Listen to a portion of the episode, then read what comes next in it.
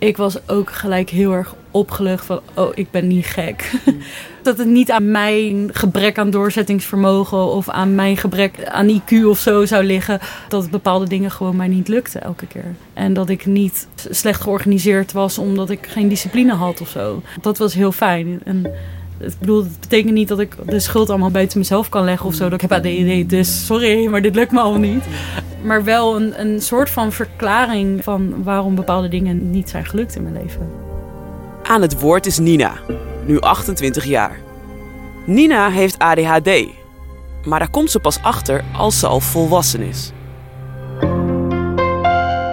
Dit is Komt de Mens bij de Dokter.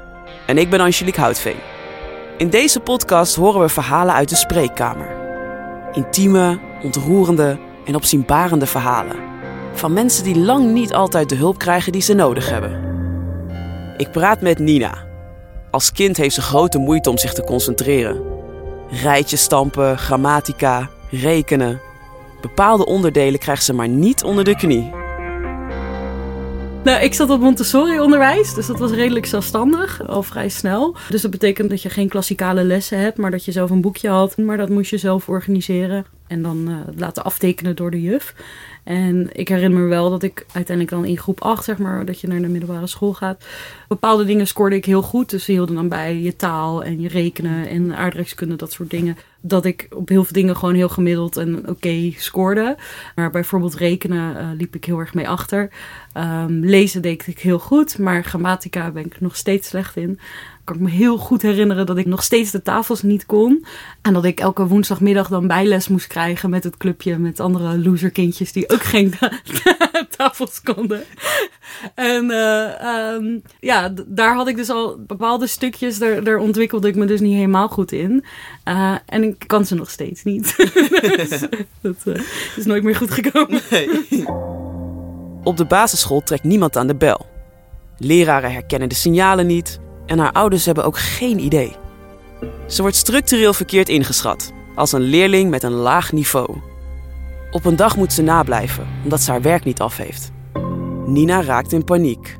Ik moest mijn taak afmaken en dat lukte helemaal niet, want ik was moe en uh, het was allemaal heel spannend geweest. En dat mijn moeder me uiteindelijk heeft opgehaald overstuur van, joh, volgens mij schiet dit een beetje zijn doel voorbij.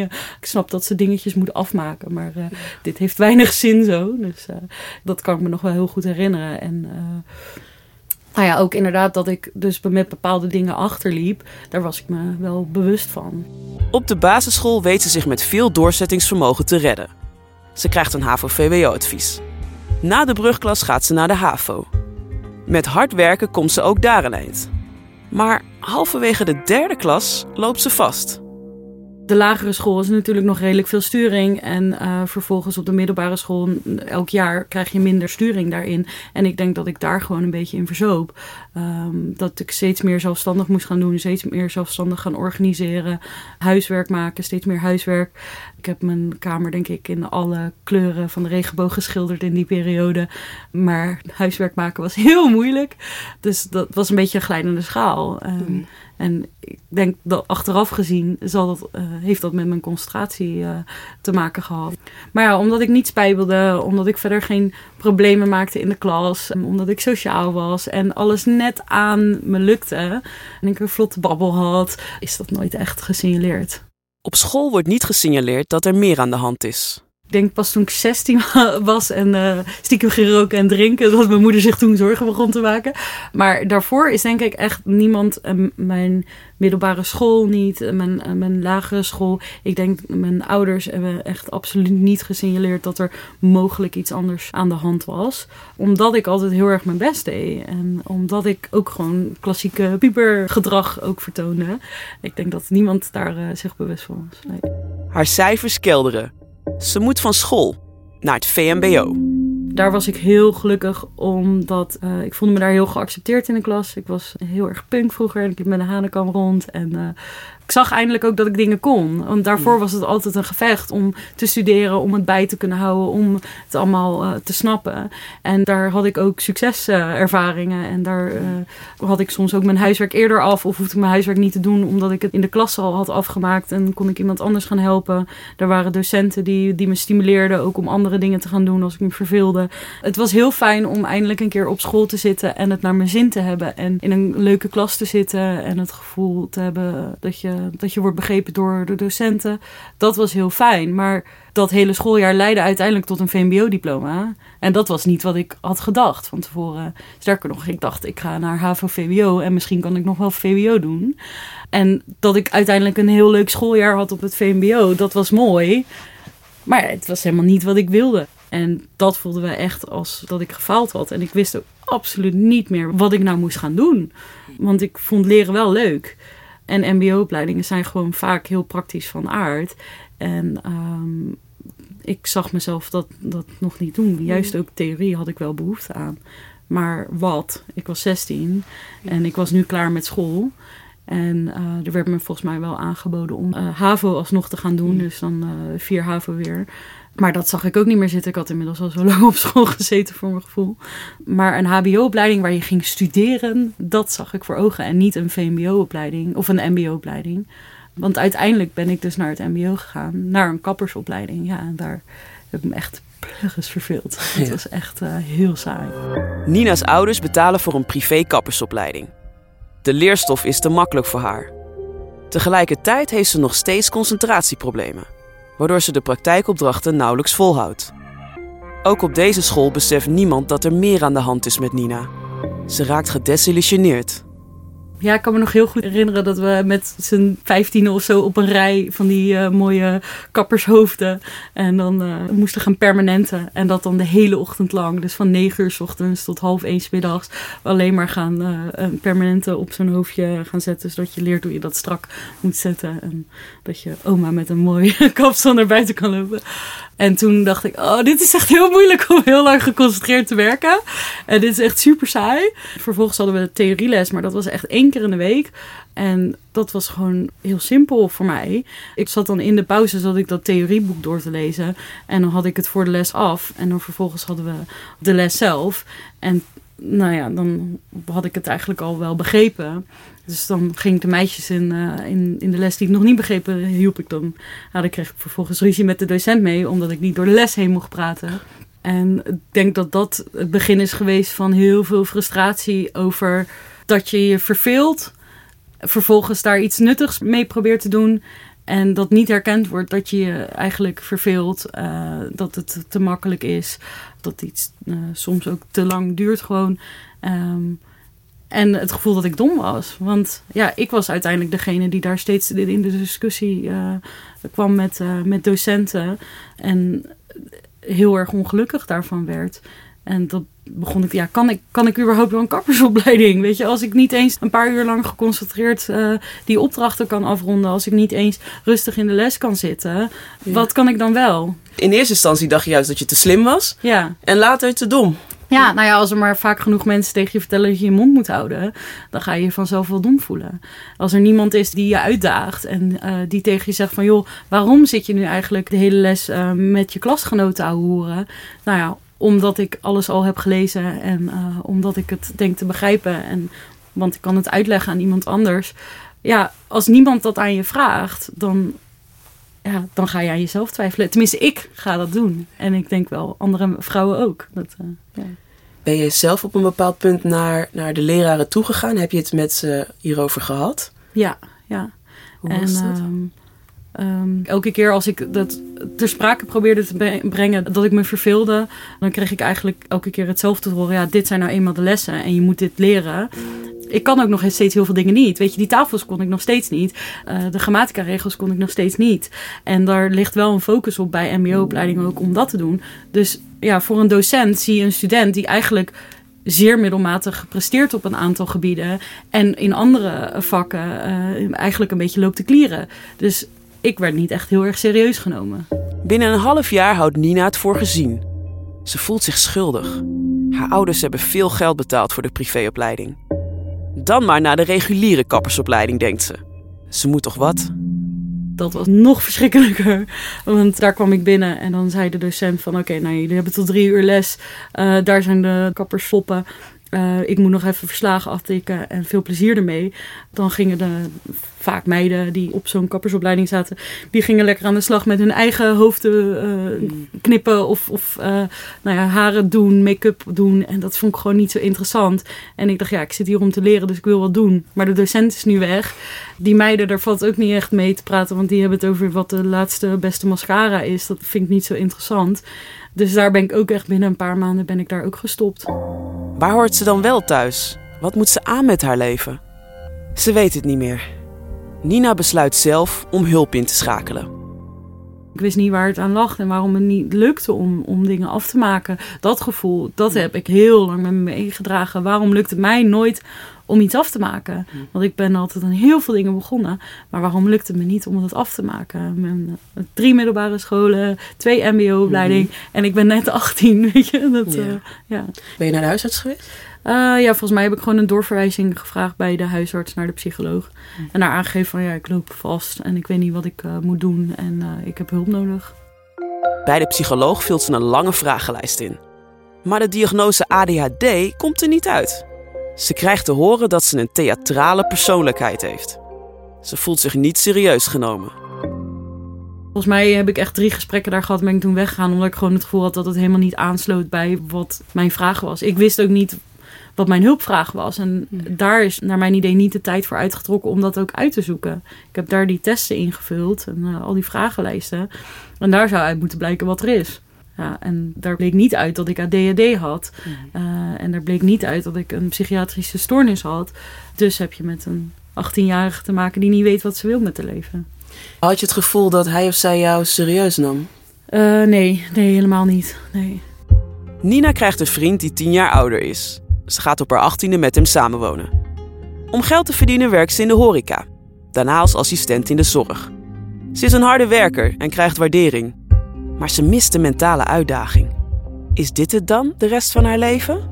Ze raapt al haar moed bij elkaar en begint opnieuw aan een opleiding. MBO Sociaal Werk.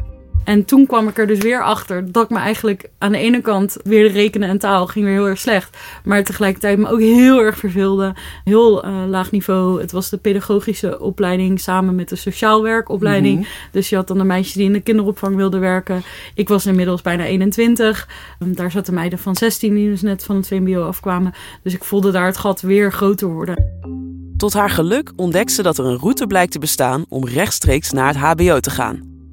Als Nina 21 jaar is, doet ze de zogenaamde 21-plus-test voor het HBO. Ze slaagt en begint aan de HBO-opleiding Maatschappelijk Werk en Dienstverlening. Daar lijkt het goed te gaan. Maar Nina kan geen maat houden. Het voelt alsof ze 10 ton energie heeft en ze neemt veel te veel hooi op haar vork. Ik werkte nog steeds uh, zo'n 28 uur per week in de zorg. Ik was ondertussen met uh, punkbandjes van vrienden van me... was ik elk weekend op stap. Om, uh, nou ja, die waren aan toeren en dan ging ik mee om de merch te organiseren. En, dus ik deed heel veel dingen. En ik dacht ook wel dat ik dat allemaal kon tegelijkertijd. Ik deed nog vrijwilligerswerk zelfs. Dus ik stort op een gegeven moment gewoon in. ik kon dat allemaal niet meer combineren. En dat snapte ik ook niet. ja. Ik vond dat heel normaal, dat het maar gewoon allemaal moet kunnen. Ja. En ik was nu toch eindelijk aan het doen wat ik altijd al wilde. Dus waarom zou ik dan nu opeens geen energie meer hebben daarvoor? Uh, ja, toen stond ik heel snel stil. Ik denk dat ik uh, uiteindelijk uh, ja, een half jaar, halverwege het schooljaar, uiteindelijk uitviel omdat ik, uh, omdat ik gewoon echt te veel op mijn hals had genomen. Wat gebeurde er precies met je? Um, ik had les waarin ik een presentatie moest geven. En dat vond ik altijd heel erg leuk om te doen. En ik stond voor die klas en ik wist precies waar ik het over moest hebben. En ik dacht, ik weet het niet meer. Wat moest ik nou zeggen? En waarom moest ik het nou ook weer zeggen? En uh, een paniekaanval weer. uh, en uh, dat is een terugkerend thema. De huisarts stelt vast dat Nina overspannen is. Een half jaar lang kan ze niets. Een bezoek aan de supermarkt is al een opgave. Ze gaat opnieuw naar een psycholoog, die haar helpt om weer een beetje op de been te komen. Haar concentratieproblemen komen wel aan de orde en de term ADHD valt een keer. Maar de juiste diagnose wordt nog altijd niet gesteld. Als het wat beter gaat, pakt Nina haar studie weer op. Als ze nou maar heel hard haar best doet, dan moet het lukken. denkt ze. In week 1 was ik dan altijd netjes begonnen met, uh, met een planning maken, met uitzoeken wat ik allemaal moest leren en met uh, dat te organiseren. Uh, week 2 was ik aan het studeren en week 3 verloor ik mijn concentratie. Lukte het allemaal niet zo meer, raakte ik het overzicht kwijt, liep mijn planning niet meer. En eigenlijk vanaf week 4 was ik totaal aan het stressen voor alles wat er niet lukte. Want als je zegt tegen je medestudent van joh, ik ben gestrest, want we hebben binnenkort hebben we dat examen. Dan zegt iedereen ja, ik, dat ben ik ook. Um, maar met het verschil dat zij soms helemaal nog niet hun boeken hadden opgepakt. Terwijl ik al vanaf week 1 ermee bezig was. En uh, heel erg hard mijn best deed en heel veel energie instak om dat onder de knie te krijgen. En om die planning te maken. Dus ik had het continu elke keer weer. En ik haalde het allemaal wel prima. Want als die deadline er was, dan voelde ik die druk genoeg om me te kunnen concentreren. En ik was gemotiveerd genoeg ook om, uh, weet je, ik wilde het wel absoluut halen. Het was niet dat ik dan het beltje erbij neergooide. Ja, oké, laat maar. Het is nu één dag en ik kan dit niet meer. Wat was het moment dat, dat je weer ging praten en daar iets uitkwam? Het was echt het einde van het studiejaar. En um, ik voelde zo'n enorme stress alsof ik weer overspannen was. Um, met als verschil dat ik toen ik overspannen was, werkte en uh, studeerde en vrijwilligerswerk deed en nou ja, van alles en nog wat. Uh, en dat ik dat nu niet had en dat ik mijn leven veel beter had georganiseerd. Dat er veel meer rust was, dat ik me niet druk hoefde te maken om mijn geld. Uh, dat mijn cijfers er allemaal goed voor stonden. Uh, en ik voelde zo'n enorme druk en zo'n enorme paniek en stress. En toen dacht ik, shit, dit is, dit is niet goed. Ik ben niet overspannen. Hè? Mm. Er zijn geen externe redenen waarom ik me zo gestrest zou moeten voelen. En toch heb ik het gevoel dat ik dit allemaal niet kan bolwerken. Dit, hier moet ik wat mee. En toen heb ik mijn psycholoog weer opgebeld. En zei van ja, volgens mij, je hebt het ooit een keer gehad over ADD. Uh, ik heb wel enorm moeite met alles te organiseren. Misschien moeten we daar toch maar eens naar gaan kijken. Jij zei dat? Ja ergens heeft het toch misschien wel altijd in mijn achterhoofd gezeten dat uh, hij dat heeft gezegd. Maar op dat moment het vooral heel erg misging in het niet kunnen organiseren en het niet kunnen concentreren op, mijn, op mijn vakken. Ik denk dat dat maakte dat ik dacht van, oh, misschien is dit ADD. Je kaartte het aan bij die psycholoog? Uh, nou ja, die gaf me gelijk een doorverwijzing, dus dat was heel fijn. En um, uh, toen ben ik naar ADD Centraal gegaan. En daar kon je diagnosticeren in, in één dag. En uh, die hadden niet erg lange wachtlijsten. Uh, nou ja, daar ben ik dus in één dag gediagnosticeerd. En ik scoorde gewoon gelijk ja, op ADD, ADD. Ja, dat verbaasde me wel gek genoeg. Waarom? um, vooral ook het ADD-gedeelte. Ik had ook het idee van ADD, dat is een meisje wat uit het raam te staren de hele dag in de les en wat, waar niet zoveel uitkomt en uh, uh, nou ja, die niet heel uitgesproken aanwezig is of zo. Uh, en ADHD is inderdaad iemand die gewoon super druk is. En uh, ik zag, zie mezelf niet als iemand die super druk is. En ik zie mezelf ook niet als iemand die een beetje uit het raam zit te staren en de wereld aan zich voorbij ziet gaan. Dus dat ik op allebei scoorde, dat verbaasde me wel, ja. En wat deed dat met je toen je dat hoorde? Ik was ook gelijk heel erg opgelucht van, oh, ik ben niet gek. Nu weet Nina het eindelijk zeker. Ze heeft ADHD. Attention Deficit Hyperactivity Disorder. Ze heeft een gecombineerd type ADHD. Ze is hyperactief en impulsief. En ze heeft in gelijke mate een aandachtstoornis, het ADD-gedeelte van de test. Hoe reageerde je omgeving toen je uiteindelijk met ADHD en ADD kwam? Mijn moeder die moest natuurlijk gelijk huilen. Hoe kan het dat ik dit nooit heb gezien? En uh, ja, die had het gevoel dat, dat ze wel een beetje gefaald had, ook als moeder. En vond dat ze dat had moeten kunnen zien. Mijn beste vriend die zei, oh maar uh, hoezo, wist je, wist je dat niet dan? Nee. Zo, ja, maar dat, dat weet je toch gewoon? Waarom heb je mij nooit verteld dat jij denkt dat ik ADHD heb? Hij werkt altijd in de kinderopvang met heel veel kinderen uh, die ook ADHD had. Hij vond dat ik wel uh, redelijk uh, wat overeenkomsten had.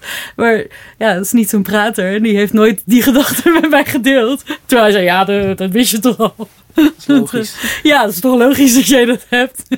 maar ja, dus ja, toen was ik wel even boos op hem. Snap ik wel.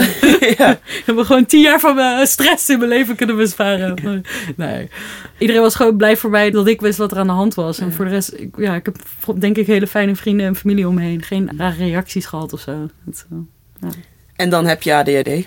Ja. En wat is er gebeurd? Uh, ja, dat is heel gek. Want dat was meer een ding dan ik had verwacht. Dat heeft echt wel een half jaar, jaar geduurd voordat dat een soort van oké okay voelt of zo. Om het daarover te hebben ja, voordat het gewoon een plek heeft gevonden. Mhm. Ja, is misschien wel gewoon een soort van verwerkingsproces. Aan de ene kant is het. Het geeft een verklaring van. eh, als je terugkijkt van. Oké, dat is misschien waarom bepaalde dingen niet zijn gelukt.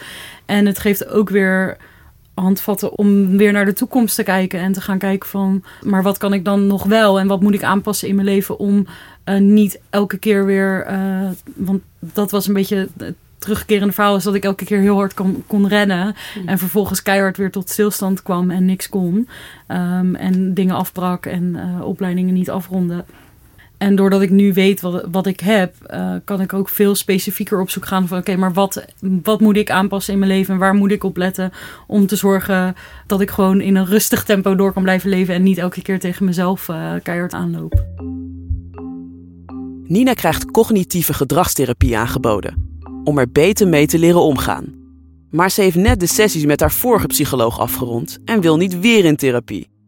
Ze gaat wel aan de medicatie, dexamfetamine. De bijwerkingen zijn niet mis, maar het medicijn slaat vrijwel meteen aan. Medicijnen gebruiken was echt een soort van eye-opener. Het was ook heel gek, want ik had mijn eerste stagedag en dat eh, deed ik met uh, en thuislozen. En ik zat aan de uh, dexamfetamine. Dus ik zat aan de amfetamines met ex-speed- of heroïnegebruikers. Met knarsende tanden en geen honger. Dus daar voelde ik me best wel een beetje opgelaten bij. En um, uh, ik ben toen ook echt in één keer 15 kilo afgevallen in twee maanden tijd. Maar ik kon ook super saaie Excel-sheet in één keer gewoon invullen. Zonder dat ik steeds werd afgeleid. En wat mij vooral door het medicatiegebruik. Um, wist ik opeens wat concentratie was. Mm. En daarvoor wist ik dat niet. Dat concentratie betekent dat je ook prioriteiten kan stellen. Als je kan zeggen van oké, ik ben nu met mijn belastingaangifte bezig, want die moet uh, voor 1 april moet die uh, afgerond zijn. Als je dat kan en je kan je daarop concentreren, dan betekent het ook automatisch dat je dus kan zeggen ja oké, maar mijn, mijn hond die uitgelaten moet worden of uh, de, de keuken die schoongemaakt moet worden of die leuke muziek die ik nog wil luisteren zo, dat heeft allemaal nu geen prioriteit, want ik moet dit afkrijgen. En dat had ik nooit geleerd. Daarom ben ik ook overspannen geraakt. Omdat ik niet in staat was om te zeggen: ja, maar dit is op dit moment belangrijk.